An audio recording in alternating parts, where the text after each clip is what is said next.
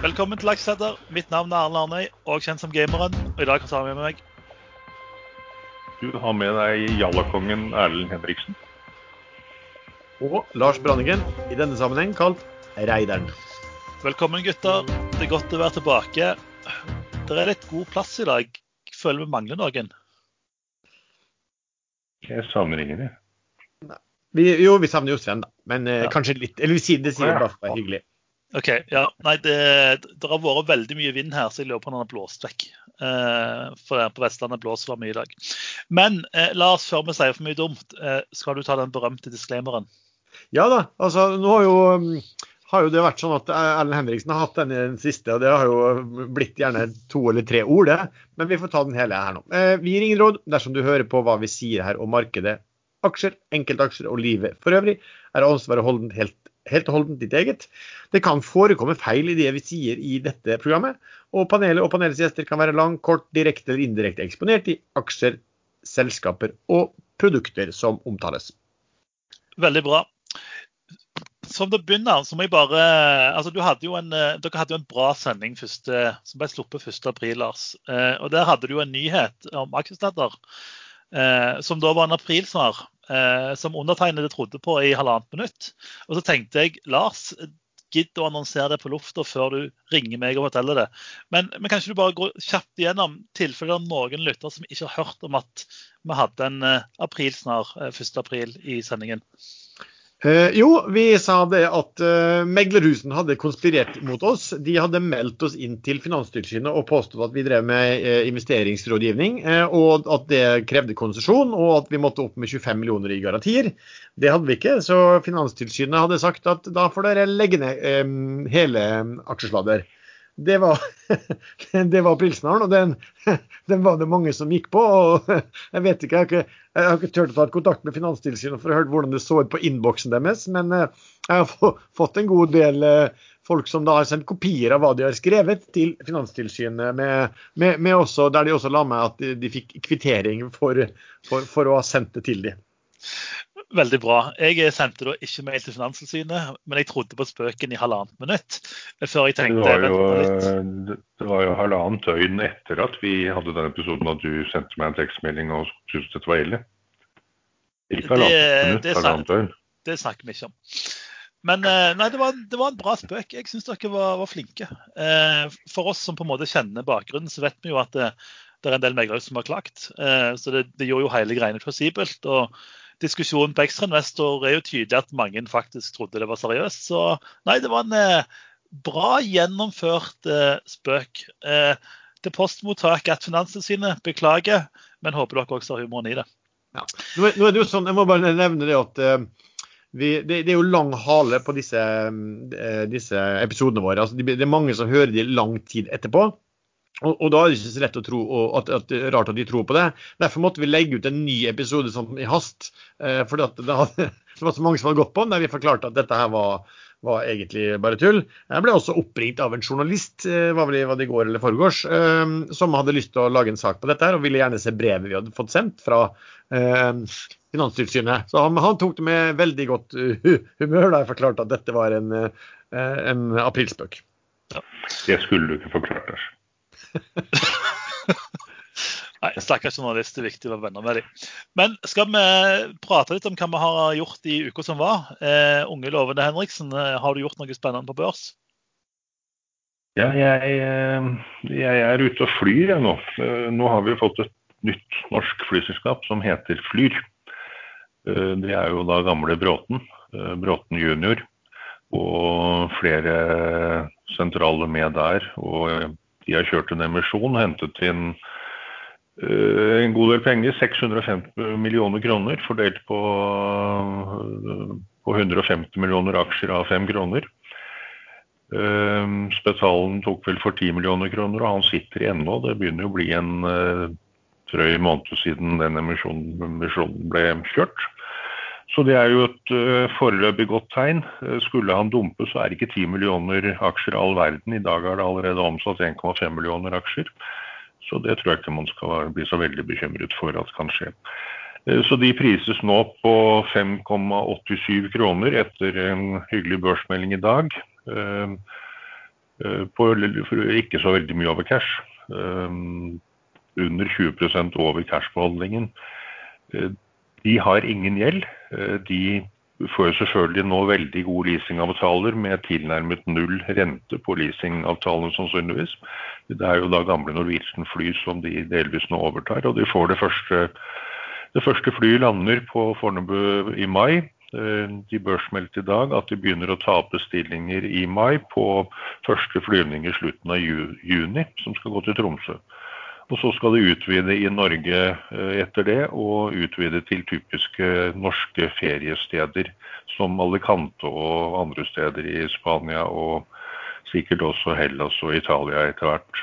Når, når hvis markedet, eller hvis korona roer seg såpass ned at man kan få lov å reise igjen. Alternativt hvis hvis det blir gjort alvor av vaksinepass, som hele Europa da kommer til å bruke til å la folk reise. Også Norge faktisk, bekreftet nå Erna Solberg nå sist. Du Erlend, Så, Erlend, hvis Sven hadde vært her nå, vet du hva han ja, hadde da sagt vet da? jeg hva han hadde sagt. Ja, da vet jeg hva han hadde sagt. Hva hadde han sagt da? Eh, Da hadde Sven sagt at det var veldig god og fyldig forklaring, Erlend Henriksen. Eh, eller han hadde sagt Du skulle fortelle hva du hadde gjort, ikke hvem favorittene dine er, for det kommer til slutt i programmet. Eh, Det, det var ganske Kristiansand-dialekt, Lars, men eh, det er godt forsøk. Godt forsøk. Ja, det var ikke, det var ikke galt. Ja, Ja. ja.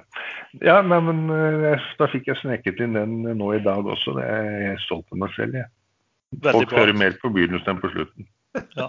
Det, det, som faktisk er litt interessant, bare for å, å skyte inn eh, På Sola flyplass så har det jo stått en, eh, opp mot 30 Norwegian-fly på det meste. Eh, sist uke kjørte jeg forbi, og det er redusert ganske stort antall. Eh, så det er tydelig at det er noen som eh, henter eh, leasingflyene sine på Sola. Så det blir eh, spennende å se hvor alle disse Norwegian-flyene ender opp. Men jeg tror òg at Flyr eh, og eh, andre selskaper får fryktelig gode leasingavtaler i forhold til det som har vært i, i markedet tidligere.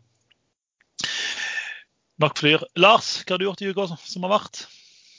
Ja, ikke så veldig mye. Jeg har gjort jeg har kjøpt litt den der MPC Energy, fordi at eh, det er jo et solselskap som har en del eh, eh, parker nå som skal eh, bygges ut. Og de er, altså, det var ikke så lenge siden de gikk på børs. Eh, har for, flat. De er ikke priset mye over cash, de heller. Jeg tror de så fra megleren at det var vel en, de hadde vel en 35 kroner per aksje i nettcash. Og den prises til eh, altså, under, under 40. Um, så kan du si at da selve virksomheten da, er, jo, er jo nesten eh, gratis. Da har du selve virksomheten til eh, 100 millioner kroner. Så jeg tror nok den vil vise seg også i forhold til en del andre eh, ja, solselskap og fornybarselskap. De har litt andre ting også. Så ser jo den, eh, eh, ser jo den billig ut. Eh, og ja, du, du, du, liksom en begren du begrenser jo risikoen selvfølgelig ganske mye da, når, når nesten alt er dekket opp av cash. og Det er litt sånn som Sven nei, Erlend var inne på sikkert i, i Flyr også. Og så har jeg kjøpt en del i en helt ny en som vi har touchet litt grann inn på eh, for en del episoder siden. Jeg kjøpte en del av den i den siste, siste par dager. Så, men det kan jeg heller snakke om eh, til slutt, når den skal komme, egentlig. Veldig bra, Lars. Eh, Jeg kan jo si at jeg bruker veldig lite tid på børs for tida, som er litt befriende. Men jeg har eh, økt i en eh, traust, kjedelig aksje. Eh, Alle husker jo Kitron, som var kjempekjedelig og bare har dobla seg to-tre ganger. Eh, Og nå er det Nekkar, som er en eh, ny, kjedelig, solid aksje. Men jeg skal også prate mer om den senere i sendingen, så eh, da skal jeg fortelle om hvorfor jeg tror det er en eh, spennende aksje å eie framover. Jurek, eh, meg og deg har jo eh, diskutert mye med mange på ulike fora om, om den avbrutte REC-avtalen, eh, hvor eh, vi tydeligvis mener det er mer negativt enn mange andre. Eh, dessverre er det ikke så mange argumenter på hvorfor det ikke er negativt. Men skal du fortelle litt om det? Hvorfor, hvorfor vi syns det har vært litt, litt mer negativt enn nok mange har oppfatta eller øns ønska å oppfatte? Ja, altså ubeskjedent nok så må jeg vel innrømme at Erlend Henriksen er et godt hakk over meg i kunnskap om, om REC og disse partnerne. Så kanskje du tar det, Erlend? Ja, vi har nok litt å bidra med, med begge sider. Men jeg er for så vidt ikke på én, eller jeg er på begge sider selv. Um, den avtalen ble inngått med Violet Power. Uh, og da den avtalen ble meldt, så så jeg både børsmeldingen og presseuttalelser fra Violet Power at, at, det var mye store ord, særlig fra Violet Powers side, om hva de skulle lage, at det var så mye bedre solcellepaneler enn alle andre kunne lage. og De skulle ha 50 års garanti, og det var ikke måte på hvor mange de snakket om ved siden av REC også. Eh, så jeg reagerte allerede den gangen. Eh, hadde dessverre solgt aksjene mine dagen før meldingen kom, på rundt 5 kroner og 30 øre, og den gikk jo til 12,50, så det var litt surt. Eh, men jeg har ikke tatt den siden heller, for den avtalen har jeg aldri hatt en sånn veldig stor tro på. Det dukker alltid opp sånne selskap, kanskje særlig i USA, hvor en eller annen karismatisk person uh, samler sammen noe penger og setter i gang et eller annet, og så kommer de aldri av flekken. Det skjer ingenting. Og her er det tydeligvis det som har skjedd med Violet Power. De børsmeldte eller de meldte da avtalen ble meldt, at i Q2 i år så skulle de allerede ha satt i gang uh, produksjonen. Uh, de har ikke gjort noen ting, så vidt jeg har fått med. Hjemmesiden fungerer ikke, det har den ikke gjort på en stund. Ingen svarer på mail. og så at REC trakk seg ut av den avtalen, det er eh, bra.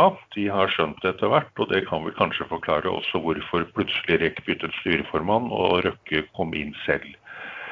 Så jeg tror at uh, grunnen til at REC har gått så dårlig i mange år, det er kanskje ikke nødvendigvis bare at uh, markedet ikke har vært der og se prisene for produktet har falt og falt, og handelskrig osv., men jeg tror kanskje at den tidligere styrelederen rett og slett ikke var flink. Så her har Røkke ryddet opp, hevet ut og satt seg selv på toppen. Han er jo en ryddemann.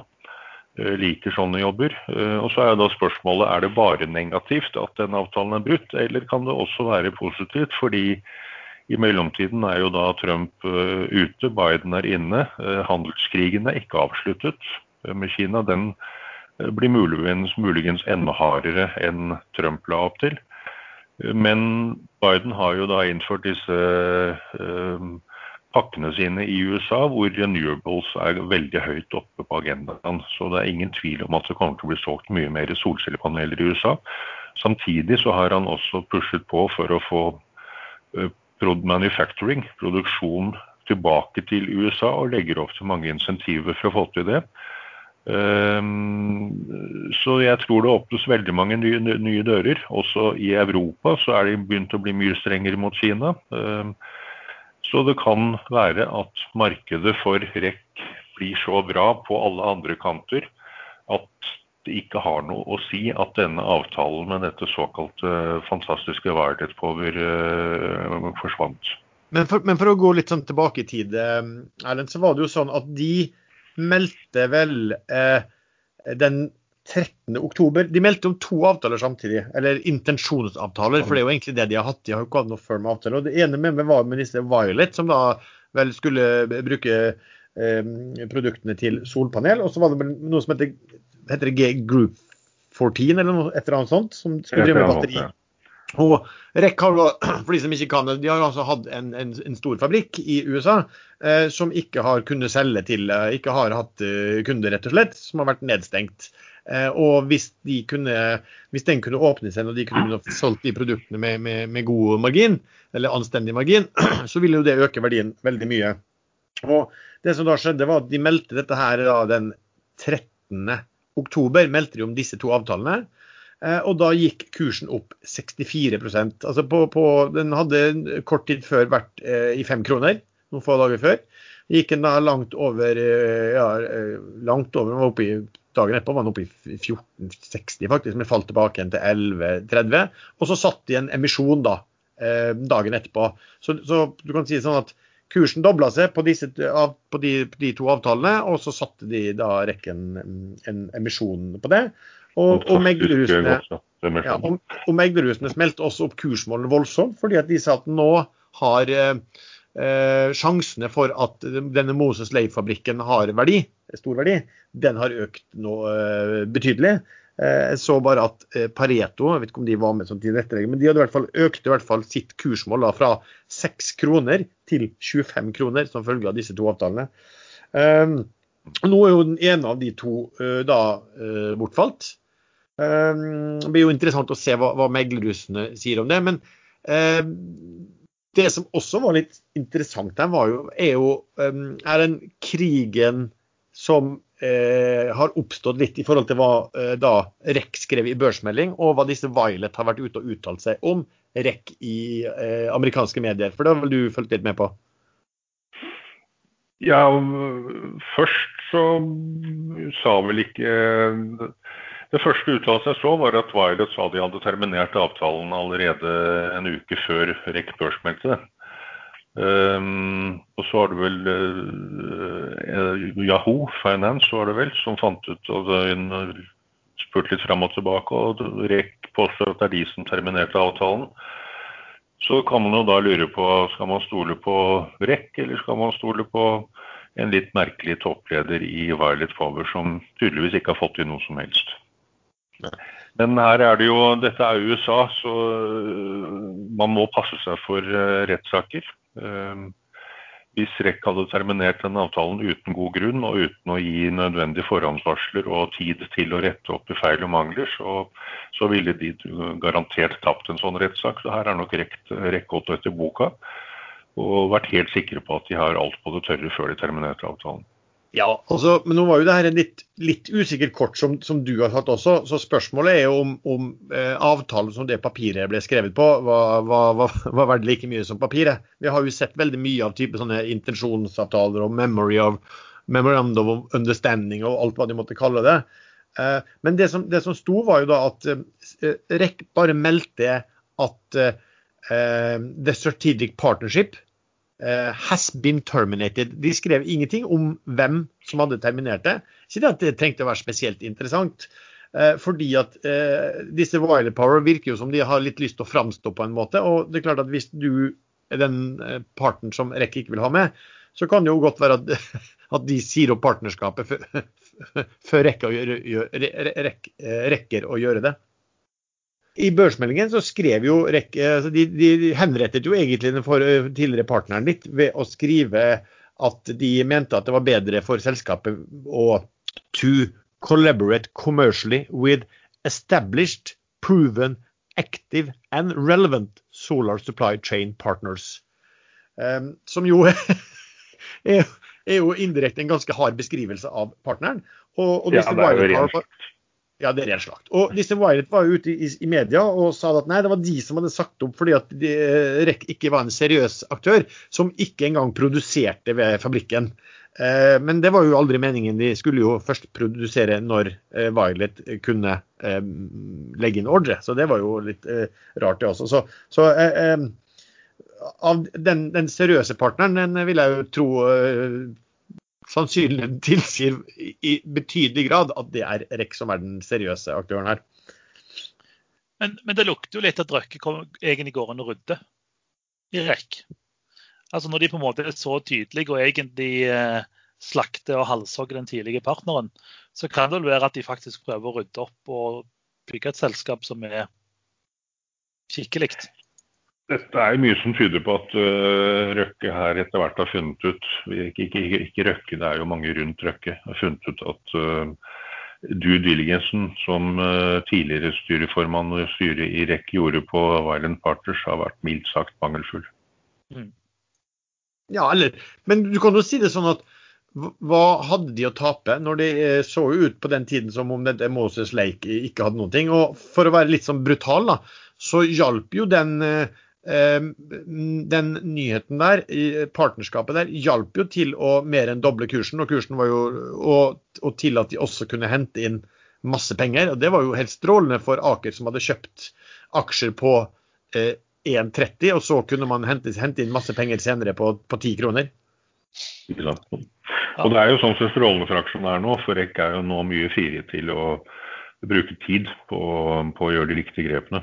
Så Ja, altså jeg vet ikke det. for Rex skriver jo at de, de, liksom at de, ser stor interesse fra på en måte andre, eller de antyder i hvert fall at det er mer interesse på, fra andre aktører. Men, men jeg så jo at Nå har jeg ikke sett noe fra meglerhusene forutenom Kepler, og de sa at det var veldig negativt. Fordi at REC var helt avhengig av en ordre fra Violet.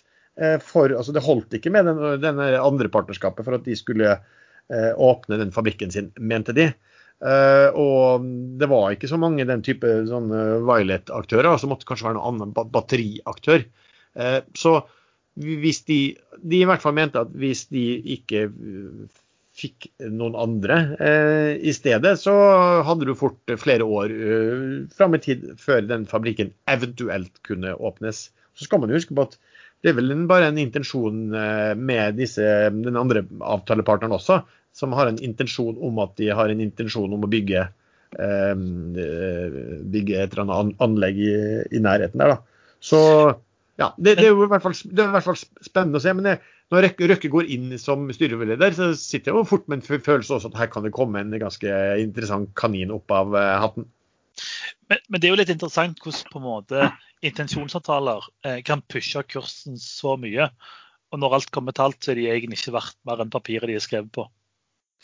Ja, altså det, det var litt interessant. Eh, Dag Jørgen Saltnes eh, hadde, han skrev på Ekstrainvestor sin chat noe, ganske, noe interessant. Han skrev at det hadde, det hadde vært interessant og, og hvis noen kunne skrevet en, en, en hovedoppgave om Eh, og gått gjennom alle typer intensjonsavtaler og, som, som, ble meldt, og, og sett liksom, hvor mange av de som faktisk endte opp i virkelige avtaler. Eh, og Det syns jeg var et veldig, eh, veldig eh, godt forslag. Så, så, hvis det er studenter som leter etter en interessant oppgave som går på børs, så eh, er det tror jeg noe som har vært veldig artig å lese, eh, også kanskje fordelt på ulike bransjer.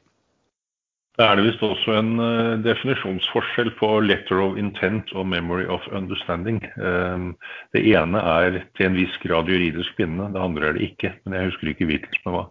Uh, nei, vi, disk vi, diskuterte det her om dagen, uh, og jeg tror konklusjonen er at de er like, li like lite bindende. Nei, altså, det kommer faktisk litt an på hva som står i teksten. Det må du se på. For at, hva, hva headline er, det spiller egentlig ikke noe altså, det, det kan være ting i den teksten som er bindende på en eller annen måte. Det er mye if, if then i sånne avtaler. Hvis det inntreffer, da skjer det. Og da er det en form for binding. Men uh, man kan ikke da hoppe av hvis det første inntreffer. Men uh, hvis det OK, nå har jeg akkurat googla det. Letter of intent is not binding, whereas a memorandum of understanding is considered binding and carries weight in court of law. Denne episoden er sponset av CMC Markets. Og med oss så har vi jo sjefen, Henrik Sommerfelt, som vil fortelle litt om um, tjenestene. Hei, Lars. Eh, denne gangen tenkte jeg å fortelle litt om de forskjellige ordretypene som, som vi har i plattformen. De vanligste ordrene er markedsordre og limitordrer. Markedsordrer åpner eller stenger en posisjon til gjeldende markedskurs. Og limitordrer brukes til å legge inn ordre på en bedre kurs enn der et instrument handler i dag, i håp om at kursen kommer til det nivået. Vi har også noe som heter stop entry-ordrer, som typisk brukes f.eks. innenfor teknisk analyse. Det er en ordre som utføres på en dårligere kurs enn markedskurs. F.eks. hvis en kurs eh, når et nivå som ifølge teknisk analyse skal trigge ytterligere kursoppgang. Eh, for å hjelpe med risikostyring så har vi ulike stopplåsordrer. Stopplåsordrer lar deg spesifisere en kurs der en posisjon vil bli stengt hvis markedet beveger seg mot deg. Den realiserer et tap som du har definert på forhånd. Dette er, et, dette er en normal stopplåsordre. Vi har også trailing stopplåsordrer, som vil følge en kurs når den beveger seg i din favør, og forblir på den avstanden som du spesifiserte da du plasserte ordren. F.eks. kan den settes 5% under høyeste kurs etter et kjøp. Garanterte stopplåsordrer garanterer at stopplåsen blir utført på det nivået du har definert, uavhengig av det vi kaller et gap i markedet. F.eks. hvis en aksje åpner langt under sist omsatt pga. et selskaps profit warning. Dette tar vi en avgift for, men du får igjen hele summen om ordren ikke utføres. Så det kan være en billig forsikring sånn sett. Den hyggeligste ordren er take profit-ordrer, som brukes til å sette et forhåndsbestemt gevinstnivå der du ønsker at systemet skal stenge en posisjon og sikre en gevinst. Gå inn på cmcmarkets.no for å lære mer om oss, og åpne gjerne en kostnadsfri demokonto. Den er helt risikofri, og man kan teste ut hvordan det er å handle hos oss. Avslutt med at det er viktig å være klar over at handel med CFD-er innebærer giring, som kan forstørre både gevinst og tap, og at all trening innebærer risiko. Og lenken til CNC finner du i beskrivelsen til denne episoden. Men Henrik, du slipper jo som vanlig ikke så lett unna. Du brukes jo ofte som ekspertkommentator i eh, norske finansmedier, så da tenkte jeg du kunne si litt om hva du tenker om markedet nå? Ja, jeg kan i hvert fall si litt om hva som skjer om dagen. Markedet er litt vanskelig eh, for tiden. Men vi, vi, vi, ser litt på det. Det har vært en litt kort uke som har vært nå, særlig i Europa eh, pga. påskeferien. Um, men etter sterke tall fra USA, eh, bl.a. non-farm payrolls-tall eh, for mars, så har markedet kommet opp denne uken. Eh, non-farm payrolls, eller sysselsettingstall utenom jordbrukssektoren, eh, kort og greit på norsk, ble publisert på langfredag i påsken. Det ble annonsert at det ble skapt høyest antall nye jobber siden august i fjor, med 916 000 nye jobber mot forventede 647 000 nye jobber, og dobbelt så mange som forrige måned. Dermed falt faktisk teknologiaksjer umiddelbart pga. rentefrykten, mens de bredere indeksene gikk rett opp. Den amerikanske tiårsrenten har derimot kommet noe ned denne uken, som ser ut til å ha smittet positivt over markedet, og særlig teknologi, som har gått oppover hele uken. Holdningen i markedet er nok litt sånn at Fed has got your back. Altså at den amerikanske sentralbanken vil passe på at markedet ikke krasjer. Høyere enn forventede jobless claims-tall i går fra USA var også noe markedet tolker positivt. Nemlig, utsett, nemlig at det skal, kan potensielt utsette avtagende støttetiltak fra sentralbanken. Så Først så ble liksom markedet, tolket markedet positivt med gode sysselsettingstall, og så tolket markedet det positivt med dårlige Eh, med høye arbeidsledighetssøknader. Eh, så alt tolkes jo positivt om dagen, virker det som. Eh, VIX-indeksen, eller den såkalte fryktindeksen, handler på laveste nivå siden før korona. Så investorer virker ikke særlig fryktfulle sånn sett. Den handles på rundt 17-18 eh, sist jeg sjekket, mens det høyeste nivået i mars i fjor var 82, mener jeg. VIX-indeksen sporer volatiliteten, eller svingningene, i den amerikanske SMP 500-indeksen. Eh, fremover så er det makrotall som er verdt å følge med på kommende uke. Eh, den tyske SEV-indeksen på tirsdag. Denne indeksen baserer seg på en rundspørring blant eh, tyske institusjonelle investorer og analytikere om, om fremtidsutsiktene til den tyske økonomien. Samme dag får vi månedlige inflasjonstall, eller det vi kaller KPI-tall, fra USA, og utover uken fra flere europeiske land. Inflasjonstall er noe man følger nøye med på nå i forhold til fremtidig rentekurve. Vi ser jo hvor rentesensitivt markedet er om dagen. Ellers begynner rapporteringssesongen så smått i Norge for første kvartal nå. Uken som kommer rapporterer bl.a. Kingfish Company, Atlantic Sapphire og Gentian Diagnostics. Atlantic Sapphire, som driver med landbasert lakseoppdrett i USA, er kanskje den største, eller er den største og kanskje mest kjente av disse. Eh, men det er ikke før den påfølgende uken at det begynner å rapporteres tall fra mange flere og større selskaper for, for alvor. Det var det jeg hadde denne gangen. Mange takk, Henrik. Emisjoner og debutanter. Det har jo gått eh, inflasjon i, eh, i, nye selskaper på børs. Eh, er det noe nytt denne uka? Jeg så faktisk det kom en emisjon i går kveld Uh, ja, stemmer det. Avansegass? Ja. kom det en SMS om uh, i går kveld og går kveld. Halv fem i går. Har du sett noe på den, Lars? Mm, nei, så den kom litt fort. Jeg er ikke så veldig glad i ofte så glad i shipping, jeg, så uh, avsto fra den da. Ja. Er det noen emisjoner du har sett eller vært med på denne uka? Ja, men jeg merket at Stolt, Stolt Nilsen droppet en børsnotering, for de mente at det var for mye Nå bruker jeg mine egne ord, mine egne ord for de mente at meglerne pushet for mye søppel på børsen. Uh. Ja, bra, Erlend. Det var faktisk verdt å, å, å, merke seg hva han sa da. For han sa vel en eller annen måte at uh, meglerhusene var nå opptatt mer av kvantitet enn kvalitet? Var det noe sånt han Noe sånt, ja. Jeg, jeg, jeg, lurer jo på hvor lenge man kan drive og pushe. Altså, en ting er at når det kommer et og annet bra selskap som faktisk tjener penger og faktisk har en forretningsmodell og sånne ting, men jeg fatter ikke hvor mye altså, hvor, hvor kommer alle disse pengene fra som dyttes inn i disse selskapene som så vidt har en idé eh, som skal børshåndteres fordi det er visstnok veldig bra for alle. Eh, Når går det tomt for penger, liksom? Og når går det tomt for folk som er villige til å hoppe inn i det? Altså Nå begynner jo selv cornerstone-investorene, som egentlig selger seg ut på halvannen uke eh, maks, å tape penger på disse noteringene. Så det bør jo på en måte være ja, stoppa snart. Ja, men, men, men det er vel det er vel også åpnet opp for mer pengestrøm inn til Norge via Euronext-systemet. Ja. Eh, eh, men selskapene gjør jo det rette. altså Når markedet er åpent og godt, og du får gode verdsettelser, så gjør jo de det riktige ved å gå eh, mot børs eller være på børs og hente penger. For en del aktører er jeg nesten overrasket over at de ikke har gjort det allerede. Men det kan jo være at det står, står så mye i kø at, at du, du, må vente på plassen din. For det er jo ikke sånn at meglerhusen kan ta liksom altså de, de, de, har bare så og så mye kapasitet, eh, på en måte, eh, de også.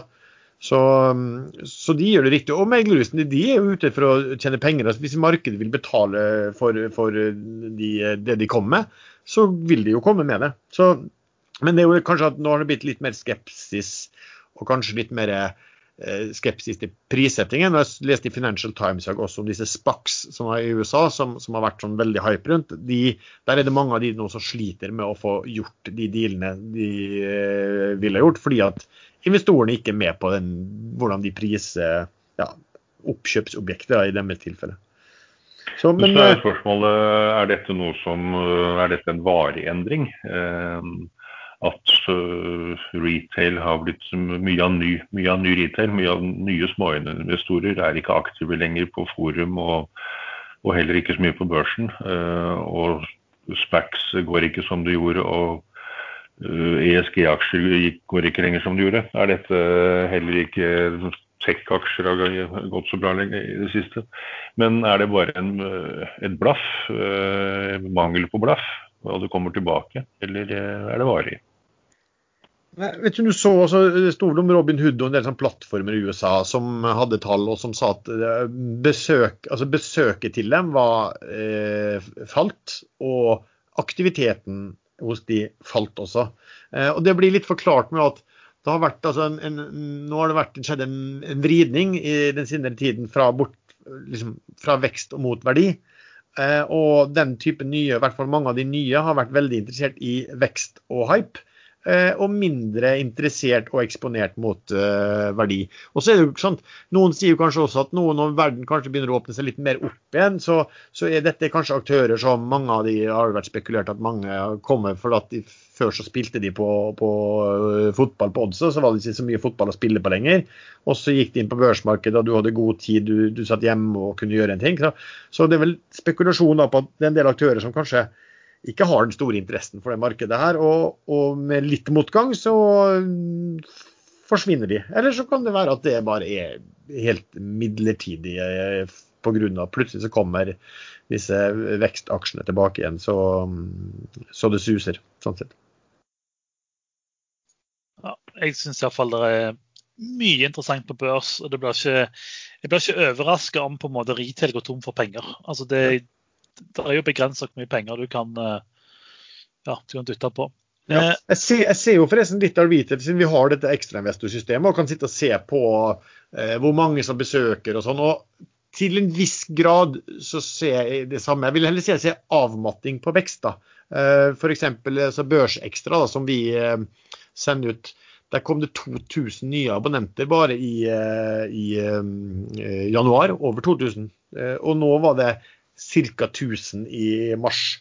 Så det har liksom falt. altså Økningen har falt en del, og det samme ser kanskje litt på Facebook-gruppen som økte med 3000 i, vel, i, over det i 3500 i januar, og så var det 2000 nå i, eh, i mars. Eh, og, og, og, og, kanskje altså aktiviteten, hvor mange som skriver og hvor, hvor mye de skriver, er, har nok vært litt fallende. Og jeg har sjekket også med den største danske aktøren som vi samarbeider en del med, som heter Proinvestor. Og han bekrefta det helt klart fra deres side, at uh, mente at det var mange nye og unge aktører som uh, bang, var stille eller borte. Ofte gøy når det går opp, og så er det litt kjedelig når det går ned. Ja. Det, men det, det, jeg bare vil, vil, nevne, er jo at vi, vi, vi snakker om debutanter. Det har ikke vært så mye en uke her, men neste uke så kommer det jo en god del. Eh, Norsk Solar kommer, eh, som vi hadde sending eh, for i uken som var. De kommer neste uke. Og så kommer eh, Bergen Carbon. De kommer vel på, på, fredag, tror jeg. Og Der er det planlagt at vi skal ha sending for de på torsdag. Og så kommer Hynion også på børs. Eh, og Der tror jeg synes jeg husker at Sven hadde tegnet seg i den også. Et, eh, så den skal vel også etter planen komme neste uke. Så neste uke, eller kommende uke har vi da en god del eh, ferske debutanter da, som blir interessant å følge med på. Det kom jo òg en eh, ganske spennende notering i USA, eh, som nok er en av de største noteringene på lang, lang tid. Eh, og det er jo Coinbase, altså den største bitcoin-børsen i verden. Jeg tror de er størst, ikke arrester meg hvis jeg tar feil. Men det er iallfall en av de store bitcoin-børsene eller kryptobørsene i verden. Skal jo på børs på Nasdaq 14.4. De slapp Q1-tallene sine. Og jeg tror jo at en del av disse retail som har hoppet inn i aksjer, har flytta seg til krypto. Eh, litt fordi vi ser eh, taler, altså Q1-tallene til Coinbase var helt sinnssvake. Eh, de hadde mer omsetning i Q1 2021 enn de hadde i hele 2020. Eh, og de har nå 56 millioner verifiserte brukere hvor 13 av de kom i Q1. Eh, det som er litt interessant med, med bitcoin-børser, og dette gjelder så også i Norge og Europa, det, man snakker ofte om brukere og verifiserte brukere. Eh, en bruker har i teorien ikke lov å handle før han er verifisert, fordi eh, regelverket i både USA og EU etter hvert krever at børsene vet hvem brukerne deres er. Eh, så du vil se at Noen børser som sliter med, med, veksten sin, de er veldig på hvor mange brukere de har. Mens de som på en måte har god vekst, snakker kun om verifiserte brukere. For en bruker som ikke er verifisert, har på en måte ingenting og, ingen verdi. For de har ikke lov å handle, i teorien. Så, så jeg syns det er ganske spennende at den skal på børs. Eh, man diskuterer jo hvor mye, eh, hvor mye den skal prises til. Så er det bare nevnt 100 milliarder dollar. Eh, så det er helt tydelig at eh, krypto er veldig, veldig veldig i vinden. Og Det ser man jo òg med den eh, kryptogruppa vi har på Facebook. Lars. Der er det jo veldig god vekst. Og jeg ser det òg på denne krypto-nyhetssida som jeg og noen andre driver, hvor det er ganske bra vekst i, i, i lesere. Så jeg, jeg, tror mye retail hopper, hopper, over til krypto fra børs, fordi ja, det er enklere. Og man føler vel kanskje man har bedre mulighet til å ikke tape penger. Jeg, jeg vet ikke. Ja, du, kan godt ha det litt rett. Altså, det, det, det, er klart, det har kommet ganske mye nye aktører inn som ikke har veldig interesse i hva selskapet holder på med. Um, og ikke interessert i hvorvidt, hva de burde være priset til uh, heller. Og det er klart det er litt lettere da, hvis det er litt motgang på børs, og så skjer det ting og store bevegelser i krypto, så er det klart det er lett å også Hvis du ikke har noe forhold til hva du putter pengene inn i, så er det klart det er lett å bare hoppe den veien, og du vil ha stor volatilitet. så er jo det, ja, Skjønner godt det. Men det man skal være forsiktig med krypto, er jo at det er, det er ekstremt algoritmedrevet. Um, og det kommer noen ordentlige flash crash innimellom, uh, hvor da de store eierne av, uh, av kryptovalutaer, de, de, dumper. Og det virker veldig organisert også. Så man skal være litt forsiktig Å og, og, bruke vanlig stopplås i krypto. Da blir man stort sett kastet ut øh, på sånne bevegelser, og så stikker kursen opp rett etterpå.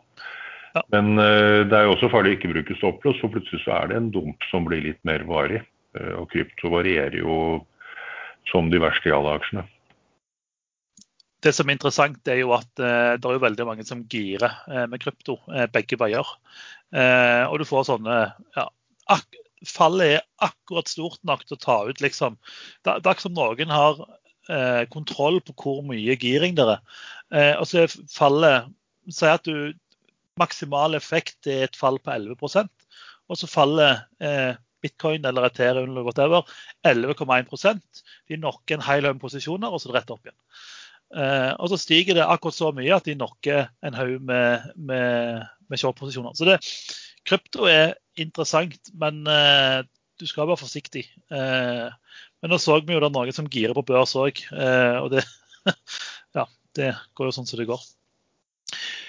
Skal vi prate litt om eh, Axis, eh, Arlen? Jeg ser han står på lista. Det er folk som ønsker vi skal prate om den.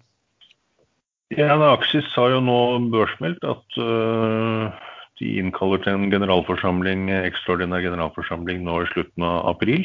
Um, for å stemme over uh, forslaget til,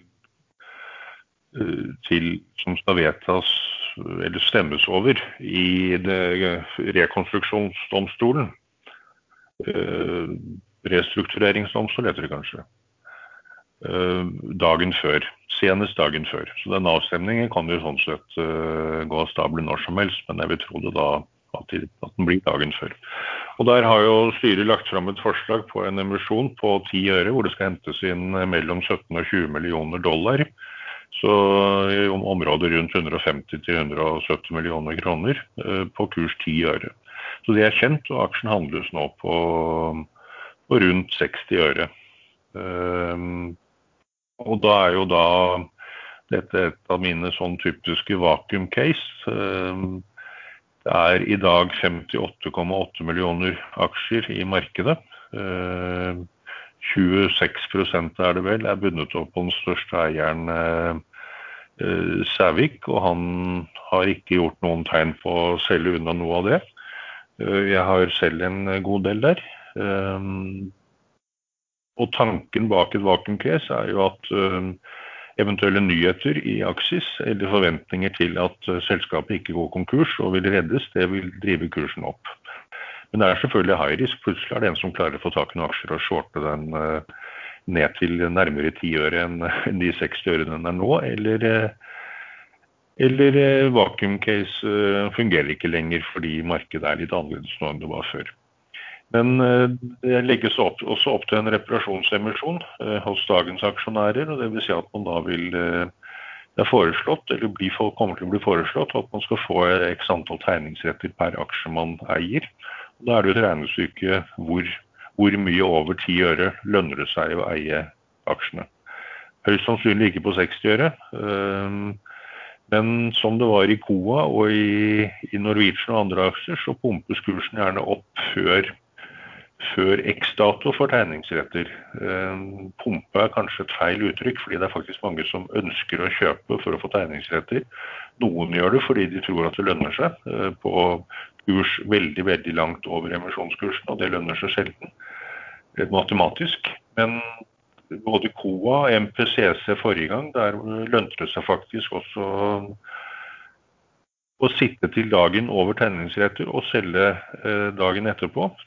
Det var et godt regnestykke, fordi det var så mange som ikke skjønte at her skulle man eh, dumpe lenge før. Det er, litt lek, det er litt gambling. Man skal ikke bruke for mye penger eh, på en sånn post. Stemmer. Jeg eh, vurderte om jeg skulle være med på vakuum-casen, men jeg fant ut at jeg eh, tørde ikke. Det som kanskje er interessant, er jo hva er Aksis etterpå, hvis de nå får gjennom den restruktureringen og, og eh, henter inn eh, såpass mye penger. De får løst ut eh, all sikret gjeld. de har to store bibliotek. det er jo seismikkselskap. Et i Nordsjøen er det vel, og et i Egypt. Og de er jo skrevet ganske brutalt ned. Så det er slettes ikke umulig at man kan få mye mer mye mer for de, eller ved å selge data fra, fra disse bibliotekene enn en verdien i dag skulle tilsi. Så um, det kan godt være at det blir et veldig godt regnestykke uh, framover til selskapet. Jeg var jo også inne i den uh, en periode um, når vi begynte å snakke om det, um, Erlend. Jeg ble kjefta litt ut av, av Sven fordi jeg sa at jeg var med fordi du sa det var et, det var et jallake. Så da Sven bare rista på hodet og mente at var han, var den eneste mann med, med, fornuft igjen i det panelet, og det hadde han kanskje litt eh, rett i. Men, eh, men jeg er jo ute nå, eh, for den gikk jo pent opp. Men ja. Seismikk er jo plutselig blitt interessant. PGS går jo opp 11 i dag, så ja. Nei, det Kursen lå jo på 0,40-tallet da vi snakket om når du, du, var inne. Og du kom da vel ut på 0,60-tallet et eller annet sted. Den ligger fremdeles på rundt 0,60-tallet, så det er jo langt over da vi snakket om den første gang. Ja da. Skal vi snakke litt om uh, Kahoot òg? Den har jo uh, falt litt, har den ikke det? Ja, den har falt ganske bra i en periode nå. Uh, skal vi se hva den var på var vel på, Ja, ja, ikke så mye den siste. den begynte å falle fra før påske også. og så har den hatt noen dager og variert ganske mye. Vært ned på, ja, på 80-tallet, og den var jo oppe i ja, 110 i løpet av mars over det også. Eh, den var 117 eller et eller annet. Jeg kjøpte jo på rundt 113,14 og solgte på 112 eh, et par dager etter at jeg sa her på Aksjesladder at den aksjen skulle jeg putte i skuffen og være long, long, long. Eh, jeg klarte ikke det. Jeg klarte ikke å se på at kursen falt. Og det var jo en, en god avgjørelse å ta et lite tap, for når det den på 90. Men det var jo da sånn at det er vel en del sånne selskap som, som kanskje har fått en sånn liten smell i takt med at, eh, at tech, eh, altså vekstaksjer generelt sett, har blitt eh, altså man, Det har skjedd en vridning mot eh, større interesse for verdiaksjer og mindre interesse for tech-aksjer. Det er litt. Eh, og så var det, det var jo rart altså om, om det var Sparebank1 Markets eller hvem det var som sendte ut, om det var mail eller analyse hvor de, hvor de skrev at nei, det var rykter om at disse her eh, Arkeo hva heter de, Arkeogos, eller hva det heter, det fondet som gikk over ende. Kjempefondet som vi snakket om i en, en annen episode. Um, at de hadde eid Kahoot og også hadde måttet solgt det. Og så spurte de liksom om ja, hvis det var, var, det riktig om folk kunne ta kontakt med dem, hvis det var sant. Det hørtes ut som en sånn, det var, det var jo noen som beskrev det som hørtes ut som en desperat uh, ryktespredning på vegne av uh, av uh, aksjonærer der og interessenter. Det var, var, i hvert fall litt spesielt, da. Men, men, det kan jo være sånne ting som ja, plutselig så er det Du vet hvordan det er at det ryktes at de og de sitter sånn og sånn, og så selger man de aksjene hvor man kanskje tror at det kan være et sånt problem. Men uh, var det ikke snakk om at Kahoot skulle noteres i USA, eller var det bare et rykte som, uh, som ikke skjedde noe? Ja, det stemmer. Ja. Jeg vet, jeg vet, jeg vet ikke hva. Men det er klart, altså, det, det er jo eh, det var en som sa, skrev til meg at de var vel prisa til, til 80 ganger seis eller et eller annet sånt. Da, og, og, Jeg vet ikke om det er riktig, jeg har ikke sett på det. Men det er klart, det er jo, selv om de vokser mye, da, så er det jo, det er jo usedvanlig krevende eh, prising på en del aktører. Da. Det, det, det er altså innebygd eh, særdeles sterke, eh, sterk vekst og marginer i, langt inn i framtiden. Men uh, sånn er det jo. Tech skal jo prises crazy. Vi har fått en haug med spørsmål. Ja, er, er, det så crazy? De, de, de, får jo avtaler med den ene giganten etter den andre, og det er jo veldig interessante aksjonærer på aksjonærlisten. Jo, men, men, tjener de penger på det? Sant? Altså, en ting er at du har mye brukere, men det store det store aperet er jo på en måte hva tid klarer du å tjene penger på brukerne dine? Sant? Og hvor mye tjener du på brukerne dine? Eh, så... Amazon eh, brukte vel 15 år eh, tap hvert år før de plutselig faktisk begynte å tjene penger. Men har ikke det, er, det er vanskelig. Jeg... Har, Kahoot positiv cash, cashflow også? Jeg, jeg, jeg så som Kahoot jeg, jeg, altså, Har ikke noe imot selskapet på noen som helst måte, og, og aksjen og alt der er fantastisk eh, bra. Og de vokser og inngår avtaler med store selskap, blir brukt av veldig mange. Du har liksom Softbank som går inn på, eh, inn på eiersiden. Det er bare at det er I kursen så ligger det at man forventer store ting eh, framover. Eh, ikke sant? Det er liksom det som er mitt Om Det kan godt være at de oppnår det og mye mer også, for eh, alt jeg vet. Ja. Man ser jo på Facebook, Da de gikk på børs, så ble jo det som børskursen, eller verdi, verdivurderingen, ble jo slaktet den gangen. Men det var jo helt klart en aksje man skulle tatt på, på IPO-en. Og de har jo bevist i ettertid at de faktisk tjente godt nok til å forsvare både den kursen og har mye høyere kurs. Ja, er, altså, Tech-aksjer er vanskelig, syns jeg. Eh, fordi det er liksom eh, hvor, eh, ja, hvor, hvor mye oppesida klarer de å levere. Altså det, det kan være at prisinga er billig. Altså, det, det, man ikke må glemme, det er jo all dataen de sitter på. Altså de, en ting er på en måte i forhold til denne Kahoot testen sin, men de skal jo mer og mer inn på læring, skal de ikke det? Så, så de bygger jo ekstremt mye data, og data, verdien på data stiger jo. Så det kan jo være at uh, vi sitter her om fire år og tenker wow, hvorfor kjøpte vi ikke mer Kahoot? Men, uh, men jeg vet ikke. Nei, jeg syns jeg syns den er litt vanskelig å regne, regne, på. Det blir litt sånn lotto. Enten tror du at den skal mye mer opp fordi de, de klarer å tjene masse masse, masse penger, eller så tenker du at den er dyr. Jeg, jeg vet ikke helt. Man kan vel også si at, uh, at, det ligger en viss, ikke garantert, men det ligger en viss oppside i at dette er et sånn typisk selskap som blir kjøpt opp av en eller annen utenlandsk storaktør. Når Softbank var villig til å gå inn med såpass mye penger, så, så kan nok andre være villige til å gå inn, kjøpe det opp på mye høyere kurs enn dagens. Ja, så det sant? er et sånn gullet gulrot i ja, enig i det. For det, og det er en del av de tekstselskapene som priser ut. og Hvis de kan gå inn og betale, kjøpe og betale med aksjer, så kan de ofte betale rimelig høyt over hva, hva, hva børskursen måtte være. Så det, nei, det blir spennende å følge med. Det, det, eh, jeg snakket jo om, jeg gjorde den lille gjennomgangen min av en masse børsnoterte selskap på å ville se hvem av de som aktiverte, aktiverte utviklingskostnader, sånn at man aldri noensinne så dem igjen hvis de fokuserte på EBITDA Eh, tallene. Og Kahoot de eh, likte jeg veldig godt, for de hadde slutta med å aktivere utviklingskostnader. De hadde sagt nei, vi, vi har en plattform vi oppe og står. Eh, om vi gjør ting nå på den som er vedlikehold og en viss forbedring på det, ja, det, det virker som at det, det, er en del av uh, driften i et normalt selskap. Det, skal vi, det kostnadsfører vi med en gang.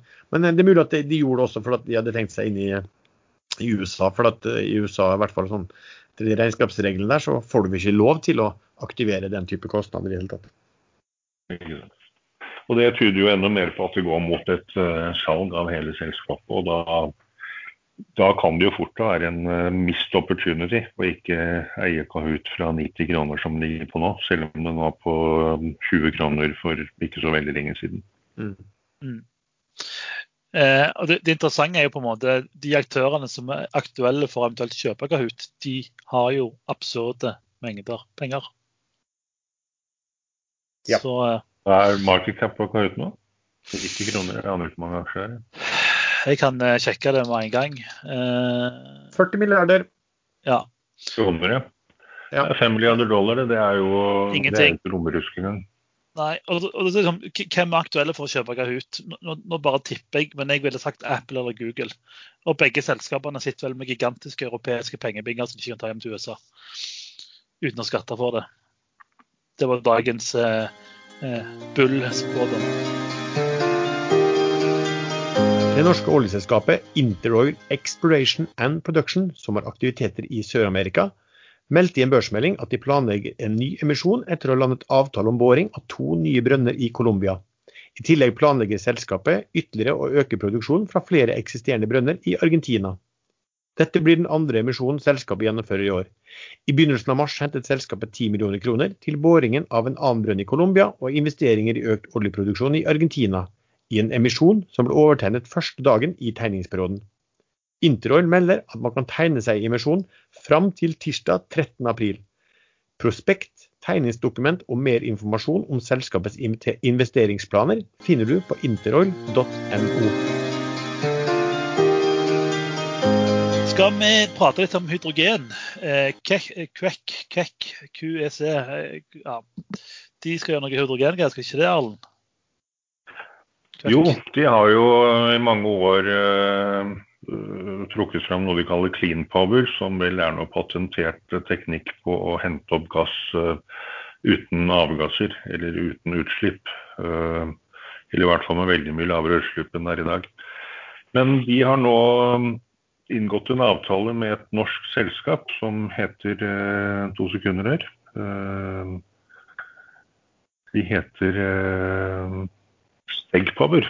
ZEG Power, hvor også Bellona er med på eiersiden. Um, og de skal De kommer fra teknologimiljøet på IFE, så det, det er faktisk ganske seriøst, dette her.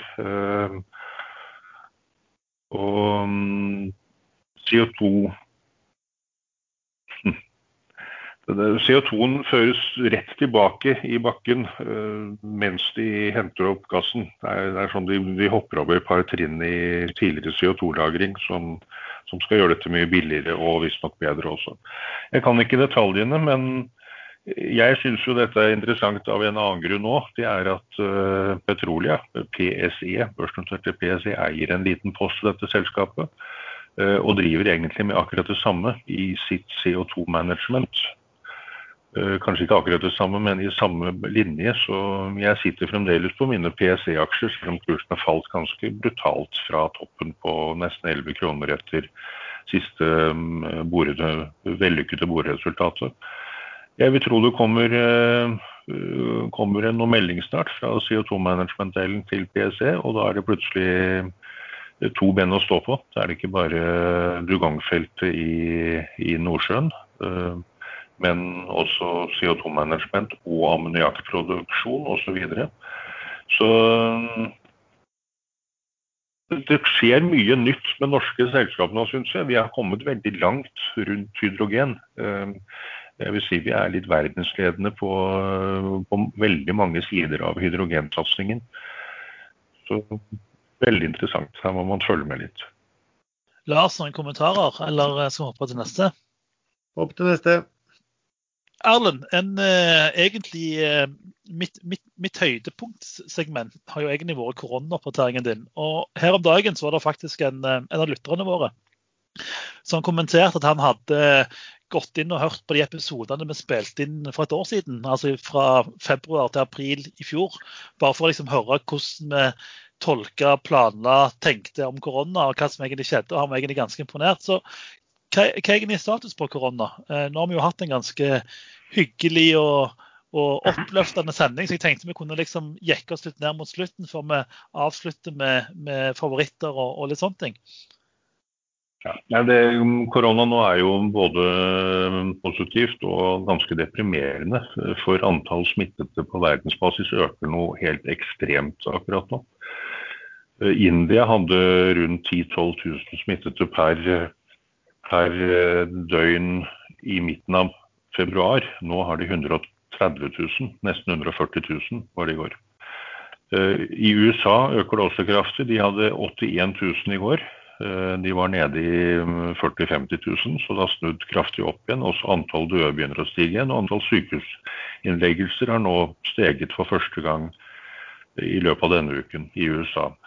Og det samtidig som de vaksinerer kraftig. Så det som har skjedd, er at UK-varianten, den, den, er eh, veldig veldig mye mer smittsom enn annet. Den kan smitte i forbifarten. Eh, så nå må vi være forsiktige før vaksinene som som man ser hjelper kraftig før, de, eh, før nok er eh, stort nok antall er vaksinert, så vi har såkalt flokkimmunitet.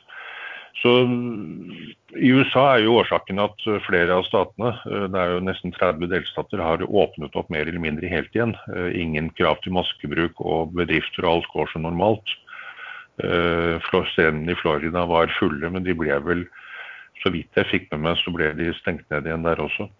Men uh, uansett, uh, åpner man opp for tidlig, uh, før flokkimmunitet er oppnådd ved vaksinasjon, så vil man få veldig mange mer, flere smittede. og det har vist seg at minimum 30% av alle som har hatt korona, selv de som ikke er syke når de har det, de, de klarer ikke å se noen stor forskjell om man har vært alvorlig syk eller bare vært smittet på om man får senskader. Og de senskadene er ganske alvorlige. Ehm, alt fra direkte hjerteinfarkt, hjerneslag til eh, hudinflammasjoner, eh, men også det man kaller hjernetåke, hvor man rett og slett får dårlig hukommelse. Man eh, klarer ikke å fokusere, man klarer ikke å konsentrere seg. Så det er hold, Man må bruke huet nå. Først må vi få vaksinert hele befolkningen, og så kan man begynne å slappe av igjen. Så, men det er en ganske litt sånn guffen ting som skjedde nå, eh, UK-varianten. Eh, der ser det ut som at de som er vaksinert, de blir ikke smittet igjen. Eh, man er ikke helt sikker ennå, men det virker sånn. Men det man har opplevd også i Norge, det er at Sør-Afrika-varianten den smitter faktisk fullvaksinerte. Og det har vel du et konkret eksempel på? Eh, ja, vi hadde her i byen Eibor så det vel et gamlehjem hvor nesten alle beboerne som er vaksinert to ganger, har fått det. Eh, men Det er ikke sagt noe om hvor syke de blir. Men det er jo litt eh, skummelt at eh, folk som faktisk har fått to doser, og eh, slår ut positivt på, eh, på, på, på, sykdommen etterpå. Ikke sant. Og mm, vi vet jo allerede om UK-varianten, Brasil-varianten og Sør-Afrika-varianten. Og det har dukket opp en ny i Tanzania nylig, som visstnok hadde 40 mutasjoner. Så det har på veldig kort tid kommet uh, relativt alvorlige varianter og mutasjoner som smitter mye mer. Og UK-varianten er også mer dødelig. Uh, og det vil komme nye. Uh, så desto lenger, tid det tar før verdens, hele verdens befolkning er vaksinert og man har flokkimmunitet overalt, så vil det dukke opp øh, så er sannsynligheten mye større for at det vil dukke opp uh, nye mutasjoner. Og Mutasjoner er jo ikke det, Virus tenker jo ikke. Det, det er jo bare tilfeldig om de er mer alvorlige eller mindre alvorlige. Uh, så det er litt sånn brytningstid der nå. Norge vil sikkert klare seg relativt bra, men smittetallene holder seg relativt høyt, selv om det har gått ned litt i det siste. Men ett smittetilfelle som dukker opp i en bygd eller en by hvor det ikke er noe særlig smitte i dag, den kan spre seg eh, veldig fort. Så vi kan ikke senke skuldrene nå. Det må vi vente med. Det var Altså, jeg, jeg håpet du skulle jekke stemningen litt ned, men jeg følte jo vi, vi havna godt under gulvet nå. Men det OK, sånn er det. Men hvordan vil det her påvirke børsen? Ingenting eh, før, eh, før, det eventuelt eh, skulle bli så ille at sykehuskapasiteten f.eks. i USA blir sprengt igjen. Eh, der var jo smittetallene opp over 300 000 på det verste i januar. Nå er de på over 80, eh, gått opp fra 40-50. Eh, Fauci var eh, ute her om dagen og var veldig bekymret. Så hvis det blir like mange eller enda flere smittede som sist, på tross av vaksineringen som går, som går veldig fort i USA, så, og sykehuskapasiteten sprenges, da tror jeg kanskje man vil se noe på børsen. Men tror ikke du bare at eh, Fed trykker enda mer penger og kjøper litt obligasjoner, og så er det party on? Eller tror du markedet skal begynne å ta inn over seg at vi faktisk er i en ganske alvorlig pandemi? Vi har jo egentlig ennå ikke sett resultatene av, eh, av, de første økonomiske problemene for bedriftene. Det er mange som klamrer seg til livet ennå, som ikke vil tåle enda en, eh, en brutal lockdown over lengre tid. Ja. I Spania så klarte de faktisk å få smitten ned fra katastrofetall eh, rundt eh, nyttår til eh, nå noe av det laveste i Europa. Men det brukte de 40 dager med full lockdown på. Det er ikke gjort på 14 dager å stenge ned. fordi det holder ikke med en karantenetid, for folk smitter hverandre under karantenen, og det sprer seg videre. Så 40 dager tok det i Spania. Jeg, jeg leser at du trenger seks uker fordi du, altså, Eh, hvis du da får smitte inn i en husstand, så trenger du at hele husstanden smittes ferdig før på en måte effekten er der. Så eh, seks uker eh, Seks uker er jo 42 dager. Ja, så det er det som, det som, kreves. Skal vi prate om noen flere aksjer før vi tar ukens favoritter? Eh, jeg ser vi har fått spørsmål om eh, Freyr. Alus er jo nedsiden beskyttet. Det jo en, ligger en garantideponering, eh, penger deponert, som garanterer eh, rundt 10 dollar, er det vel, jeg husker ikke. Og den koster vel rundt der nå.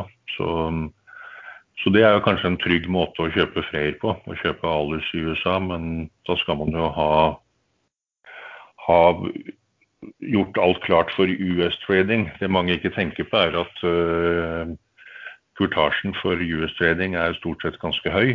Ehm, og vekslingskursen eh, du kjøper, og det veksles av banken eller megleren til dollar og tilbake igjen til kroner når, når man selger, da får man den dårligste kursen man får i markedet. Så man må ha en dollarkonto litt sånn forskjellig og være litt sikker på at eh, man får god kursasje når man treder i USA. Jeg tror det er sånn, altså, Nå er det jo sånn at Alus er jo en sånn spakk Altså, dette det er et, et, et, vi, en, en børsnotert bankkonto, skal vi si det så enkelt, eh, som skal brukes da, til å kjøpe opp andre selskap eller gå sammen med andre selskap. Og så har Alus bestemt seg for å å gjøre det med Freyr. Eh, og så er det sånn da reglene sier at eh, disse spakkene, som det heter, børsnoterte bankkonto om du vil, de eh, har en regel som sier at eh, de må gjøre en deal i løpet av to år. og Hvis ikke de har gjort det innen to år, så skal pengene tilbake til aksjonærene. Så Derfor ligger det jo en, en, en del i bånn der. da. Eh, og de bruker sjelden å bli prisene noe særlig over det før de har gjort en deal selvfølgelig. Så har det vært veldig sånn eh, veldig eh, hva skal vi si, hype rundt disse spakkene, for at de har gått sammen med veldig hype-pregede eh, selskap. Det er jo det de har vært interessert i. Og så for, for, å få da den, den sammenslåtte enheten skal mye opp i kurs. Eh, og så har det blitt litt tøffere nå, selvfølgelig, når, når, når Tech har fått en smell. Og Det sto sagt senest i dag i Financial Times en stor artikkel som sa at det var eh, i, Siden nyttår så var det vel 120 sånne spakk som hadde funnet seg en partner, men det sto fortsatt 500 igjen og ville finne en partner. Og de som skulle komme med pengene For det, her var det jo sånn at veldig ofte, En ting var pengene som Spakken hadde, men de måtte også ha mer penger da, for å kunne gjøre de dealene de ville. Og de som skulle inn med de pengene, de var veldig tvilende til eh, eh prisingen da, på de, de, selskapene som de skulle gå Eh, som de skulle kjøpe opp. Så det ble verre og verre for dem å få tak i penger. Og da blir det selvfølgelig også uh, lavere priser da, på de de skal kjøpe etter hvert. Hvordan liksom, det her slår ut på Freyr, jeg, jeg, vet jo ikke hvor godt den, den Den er jo ikke besluttet ennå, den skal jo besluttes. Så det er jo en, fare selvfølgelig at det her rett og slett ikke blir av for Freyr. Og det gjør også i dag at uh, så bare en som meldte meg på Facebook, han skrev at hvis du da kjøper Altså at, at du kan kjøpe da rabatt Eh, Freyr får du kjøpt eh, billigere eh, på OTC. Da skrev han da 1380. Men hvis du kjøper den via den, via den Alus i USA, så, må, også tilsvarer det egentlig 15 kroner. Men det er vel da en, en funksjon av at det er usikkerhet. At, at, Blir det ikke av, så kan du jo få alle pengene dine tilbake igjen fra det du betaler for Alus-aksjen. Men hvis det ikke blir av, så, så kan eh, Freyr da faller betydelig. Så, så, det er vel en, en rabatt der. Da. Men jeg, jeg, vet rett og slett ikke hvor langt det er kommet, og hvor, hvor firm den dealen er. Der er det jo Gjelstjener som eh, står bak, eller stor i Freyr. Så min magefølelse sier i hvert fall at eh, dette blir nok eh, både noe av og sikkert bra på sikt. Um, men det er mange, mange batteriprodusenter som står i kø nå for å starte opp. Og Det spørs jo på en måte om alle lykkes. Jeg kjører jo daglig forbi Beyonder, som bygger fabrikk for harde liv i Stavanger. Nei, Sandnes faktisk. Så eh, nei, jeg, jeg, er spent på å se hvor mange av disse som overlever. Men det er jo ingen tvil om at det trengs mye batterier. Men prisene på batterier vil jo òg gå dramatisk ned. Så er det, er det på en måte marked. Altså, Klarer de å produsere billig nok når de kommer i gang, tenker jeg. Ja, pluss at uh, batteriteknikken utvikler seg. Plutselig er det noen som får til en uh, uh, faststoffbatteri. Uh, og da vil jo alt endre seg. Ja. Lars, hadde du noen sendinger du skal prate om før vi tar favorittene på slutt? Vi på Ekstrainvestor tilbyr børsnoterte selskap og selskap på vei mot børs å presentere seg for titusenvis av investorer via vår tjeneste XI Promo. I uken som gikk har vi hatt sendinger for Norsk Solar og Wow. Vi har kommende uke gleden av å ønske Bergen Carbon Solutions velkommen. Torsdag 15.4 kl 11.00. CEO Jan Børge Sagmo og CFO Kåre Voldsund vil presentere selskapet og svare på spørsmål som blir stilt via moderator Fredrik Joyce fra Fearnley. Bergen Carbon Solutions har utviklet en unik patentert teknologi for å produsere nanofiber av karbon. Bergen Carbon Solutions forventes tatt opp til handel på Euronext Growth 19.4. Hvis du vil at Fredrik skal stille spørsmål eh, under sendingen, så send det gjerne til info.ekstrainvestor.com. Erlend, du har jo allerede tjuvstarta med ukas favoritt. Eh, jeg antar du har eh, litt mer å si om favorittene dine for uka som kommer? Uh, ja, for de som bare spolte fram til slutten av aksjesladder, så må man spole tilbake til begynnelsen, for der snakker jeg litt om Flyr. Uh, nå er kursen på vei opp. Den, den startet dagen på 6 kroner, var nede i 5,85, og nå er den på 5,92. Så hyggelig melding der. Jeg tror det vil komme flere meldinger fra Flyr framover, og det kan det, det, blir litt sånn uh, tilbakekobling til hvordan det gikk med Norwegian da de kom på børs i sin tid. Startet vel på 5 kroner, gikk til 30, og alle slaktet jo det selskapet og kursutviklingen hele veien. Men den kommer til å gå på forventninger. Uh, Og da vet man jo aldri hvor mye det tar av. Og det er ikke noen konkurrenter akkurat nå. Norwegian er fremdeles et stykke fram før de har alt klart. Og de vil jo være ikke rundt 20 milliarder kroner i gjeld de skal sitte igjen med etter at de er ferdig med restruktureringen. Eh, Flyr har jo null gjeld. Eh, Norse, selskapet, selskapet hvor Bjørn Kjos er med, men hvor han var på skitur da de kjørte emisjonen, så han dessverre ikke fikk tegnet seg.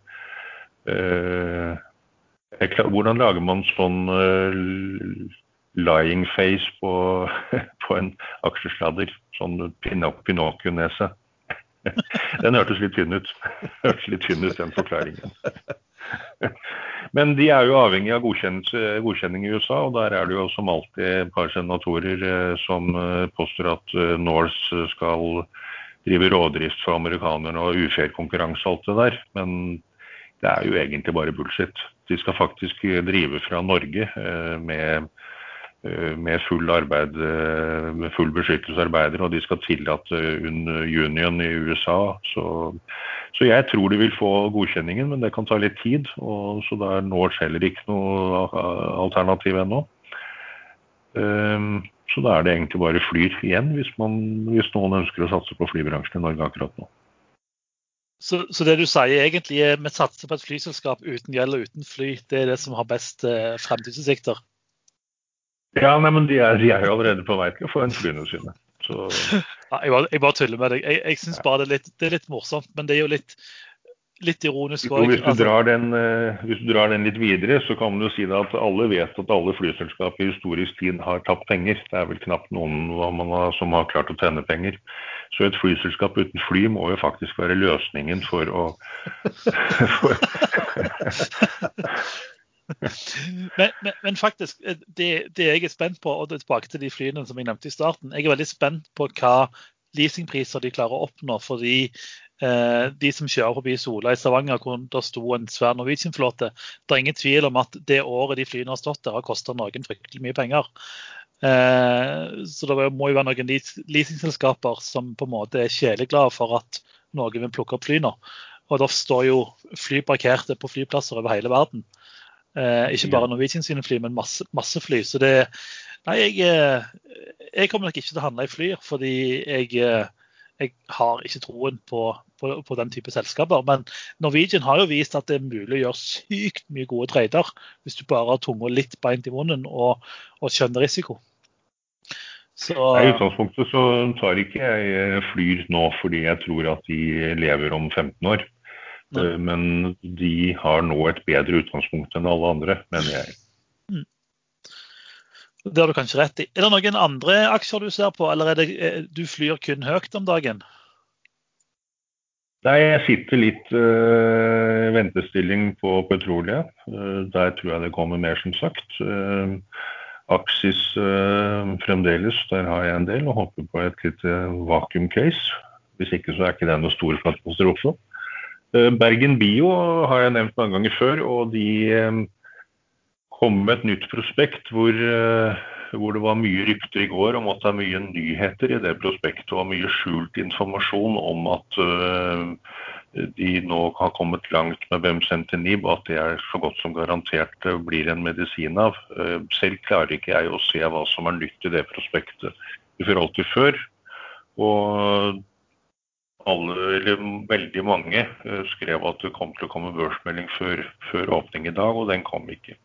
Men det man vet, er at uh, forsøkene er avsluttet både i Sør-Afrika, India og Akkord, og nå skal dataene avleses.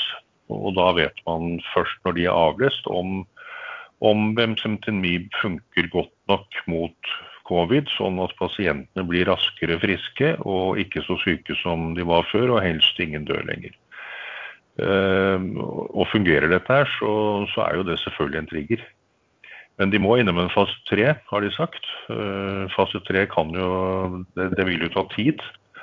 Men det kan fort være at de da får med seg noen partnere i en fase tre-studie. og det vil jo være kurstrigger i seg selv. Og så har jo Bergen by og alle kreftcasene sine som underliggende uh, uansett. Men ingenting av det er sikkert ennå, men mye tyder på at uh, at mye fungerer rundt kreft for Bergen by. Hvor lang tid tar en sånn typisk avlesning eller tolking og sånne ting før de kan presentere noe? Nei, De har jo selv sagt at de nå regner med å komme resultater rundt månedsskiftet eh, mars-april. Og det er jo nå. Så at kursen går litt på forventninger nå, er ikke unaturlig. Men det er alltid noen aktører i markedet som benytter sånne rykter til å kjøre en pump and dump. De ser hva som skrives på forum, og så går de inn og pumper kursen opp. Og andre får FOMO, fair of missing out, og hiver seg inn, og da dumpes aksjene i hodet på dem. Og det skjedde i Bergen Bio i dag. Kursen var oppe i 34,74 på det meste, og nå er den nede på 33,80. Så ikke noe sånn voldsomt dumt, men det er omsatt for 50 millioner kroner, så det er ganske mye penger involvert for de som klarer å dra kursen opp og hive seg ut på riktig tidspunkt. Mm. Eh, Lars, noen eh, favoritter i, eh, i, i, kassen din denne uka? Ja du, vi har jo snakket Altså eh, det er vel kanskje kjent at jeg bruker å være ganske talldrevet, så det, det, her er ikke min vanlige type aksje å, å, kjøpe. Men eh, jeg liker jo litt de som på mange måter blir litt ledd av, eh, og som ingen gidder å følge med på hva de holder på med, eh, og se om det kan være noe der. Og Vi snakket jo om det som har vært den dårligste børsnoteringen i år. Det er et selskap som heter Kyoto Group. De ble prisa til De henta inn sånn 120 millioner kroner inn på kurs 62,50 falt 27% første dagen. Eh, og har egentlig falt litt videre også, men det har stoppet opp nå og begynt å krype litt oppover igjen. Men den har falt da betydelig, sånn at eh, hvis du tenker at eh, altså, enterprise value på den var 400 millioner, da, hvis du ser bort fra cashen, ved børsnoteringen, så det har falt ned til 240 nå. Så du kan si at på mange måter at det, selve verdien utenom cash har falt med godt over 40 Uh, hva, men hva er dette her Kyoto uh, Group for noen ting? Da? Altså, det er jo da slik at nå er det sånn i, uh, i, i verden så er det sånn at industrien sånn som jeg forstår, det utgjør en tredel av det totale energiforbruket i verden. Og 75% av det energiforbruket brukes til termisk energi, altså oppvarming, kjøling eller damp. eller hva det er. Og 90% er basert på fossilt brensel. Altså det, eh, det, disse mm, Kyoto Group gjør, de utvikler en løsning for å fange opp og håndtere energien, altså da fra fornybare energikilder. For de varierer jo som kjent. altså Sol varierer jo, og vind varierer jo i løpet av eh, et døgn. Så de har lagd en, eh, en, løsning for termisk energilagring, det man kaller termisk batteri, som heter, fått navnet Kyoto Heat Cube. Um, og Den altså benyttes til å lagre energi når den er billig, slik at energien er tilgjengelig for senere bruk, altså når eh, energien er dyrere. Så da kan de bruke denne heatkuben sin til å generere damp, kraft, varme til ulike til industrier. Eh, så, målsettingen er vel egentlig å, fange energien, fornybar energi når den er billig og tilgjengelig, og, og lagre den og inntil da den industrien trenger den. Altså det blir dyrere. Um, så Sånn sett så, så, kan du jo si at det, det, er jo da i høyeste grad grønt, og er også solgt inn som en grønn, grønn aktør. Fordi at det skal redusere industriens avhengighet av kull spesielt da, og gass. Um, de sier vel også at sammenlignet med elektriske batterier, så vil altså Kyoto Heatcube redusere kapitalutgifter, altså Capex, med 90 så, eh, og de har også tilknyttet eh, IT-systemet på dette, her, som skal styre forbruket av, av energi, eh, fornybar energi og, og sikre lag, lavere kostnader. Så det disse har, de, de har altså et sånt batteri da, som skal være som en, enten som en service, altså de skal bygge, eie og drifte det selv, eller skal det være et produkt de kan selge til eh, kundene. Eh, de har hatt pilotprosjekter nå i 2018 til 2020. Det som er egentlig mest som interesserer meg litt med dette her. Altså, for det er jo så veldig vanskelig å, regne på. Og jo, mine ingeniørevner er meget mangelfulle også. Eh, for, for, så jeg kunne ikke gjøre noen stor bedømming selv om dette her er bra. Men dette her er kanskje det selskapet jeg har sett som er så lite på børsen, som har det beste styret jeg har sett. Altså, um, Styreleder og, og, to av de, de riktig, riktig, riktig tunge navnene har kommet inn nå i 2021, så de har akkurat gått inn i styret.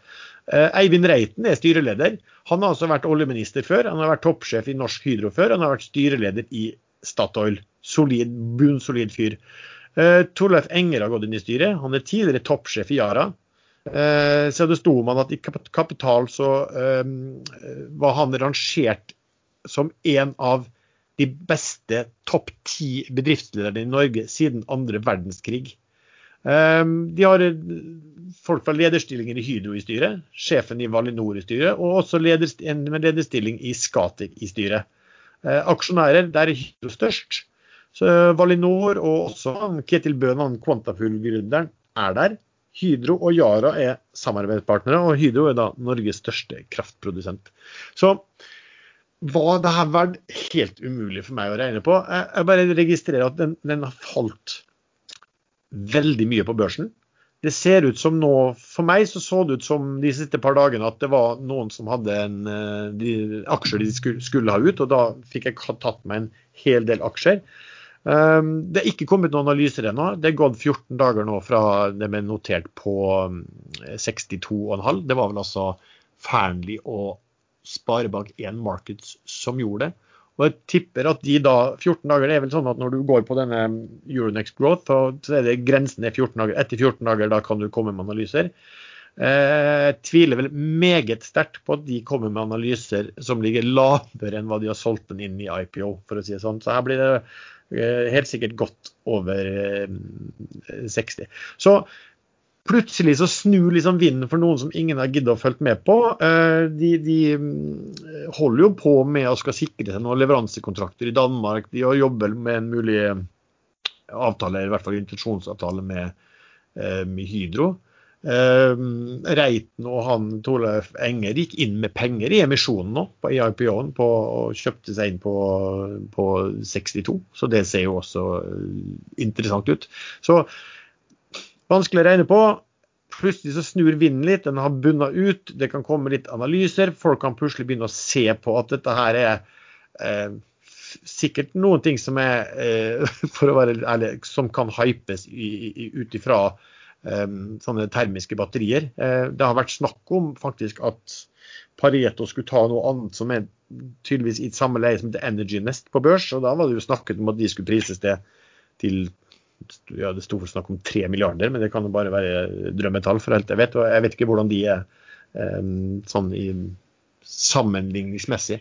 Men, men i hvert fall en cocktail her da, som kan være, bli uh, interessant. Hva var navnet igjen på selskapet?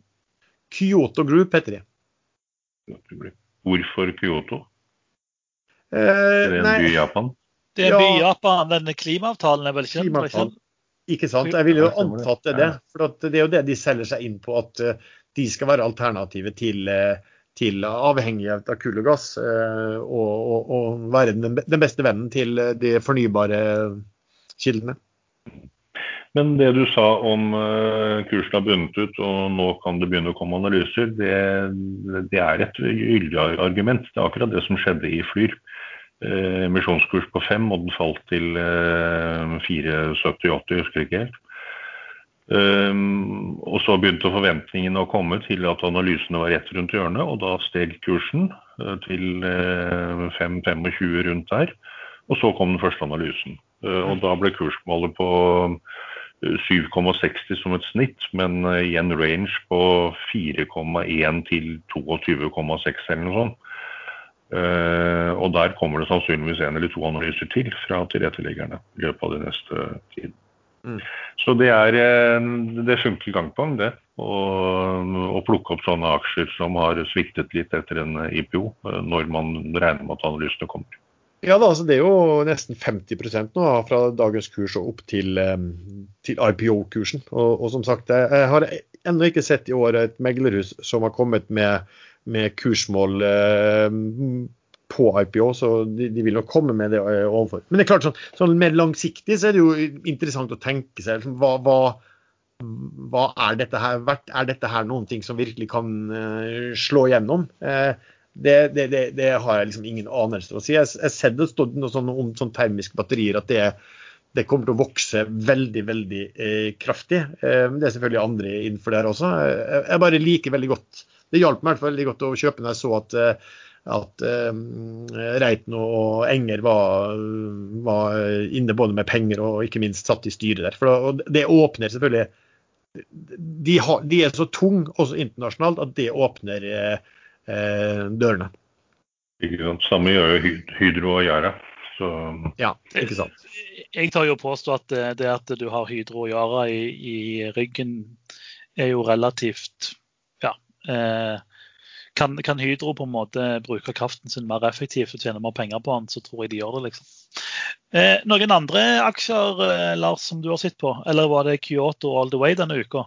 Ja, det var mest. Jeg har kjøpt litt også MPC Energy også, for jeg syns den, er, den ikke prises noe særlig over uh, nettcash. Så syns jeg det. Men, men uh, i det store og det hele så er det Kyoto som jeg har tatt med et brukbart jafs i de siste dagene. Good. Jeg kan eh, snakke litt om eh, den nekker Nekkar som jeg har plukket opp. Jeg har jo en ganske lang, lang, lang portefølje, så det er kun nekker som er på en måte ny og på vei inn der. Dette er et litt sånn noen vil si kjedelig selskap, sånn som Kitron har vært, men de tjener penger og de gjør mye fornuftig. De har et produkt som de tjener pengene sine. Det er skipsheiser. Hvis du lurer på hva det er, så bare gå og google det. Eh, de har en ordrebok som er tre ganger 2020-omsetningen. og Da snakker vi ikke letter of intent og memorandum of understanding, vi snakker faktiske firm orders. Eh, de er solid cash. Eh, de, de, har ingen rentebærende gjeld. altså Hvis du tar vekk leverandørgjeld, og sånt, så er det ingen rentebærende gjeld. De holder på med disse lukkede merdene sine, hvor de har fått tilskudd fra Innovasjon Norge på 10 mil. Starfish heter det. De holder på med en kranløsning til vindmøller, hvor de også får tilskudd fra Innovasjon Norge. Skywalker heter den, og som en Star Wars-fan så er det nok til å kjøpe aksjen. Og de hadde vel eh, ca. 20% EBTA-margin i 2020.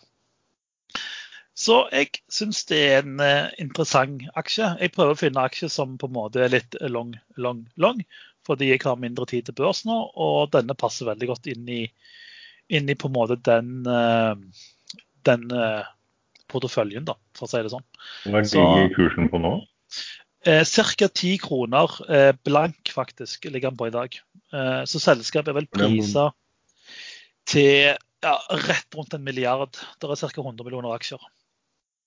Den ble vel, eh, den var jo en snakkes eh, på ekstrainvestor i høst, var det kanskje? Eller tidligere i fjor, og da var den vel på rundt fem kroner?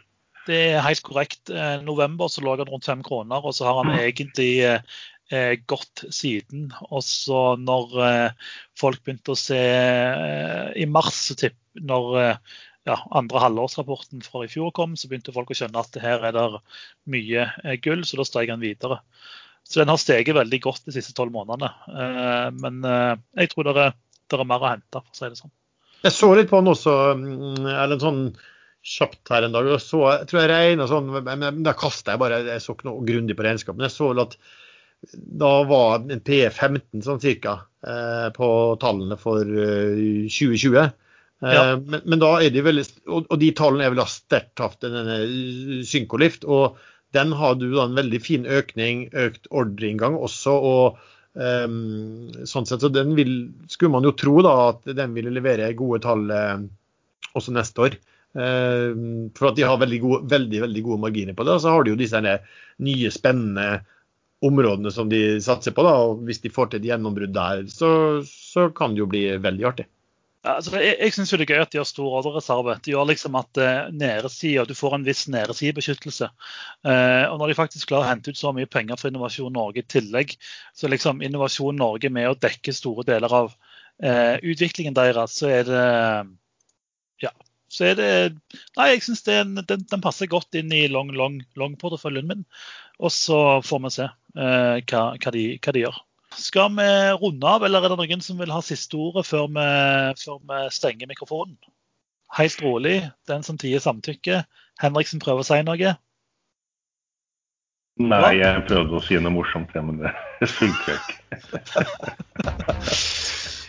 Da takker vi for at du har hørt på denne episoden av eh, Aksjesladder. Eh, du finner oss på ekstranesser.com. Eh, vi har òg en gruppe på Facebook som heter podkasten Aksjesladder. Bli gjerne med i gruppa, still oss spørsmål, kom med klager, kom med positive ting. Vi er òg på Børsforum på Facebook. Musikken er lagd av kjærester.com som vanlig. Og ja, ha ei fin helg.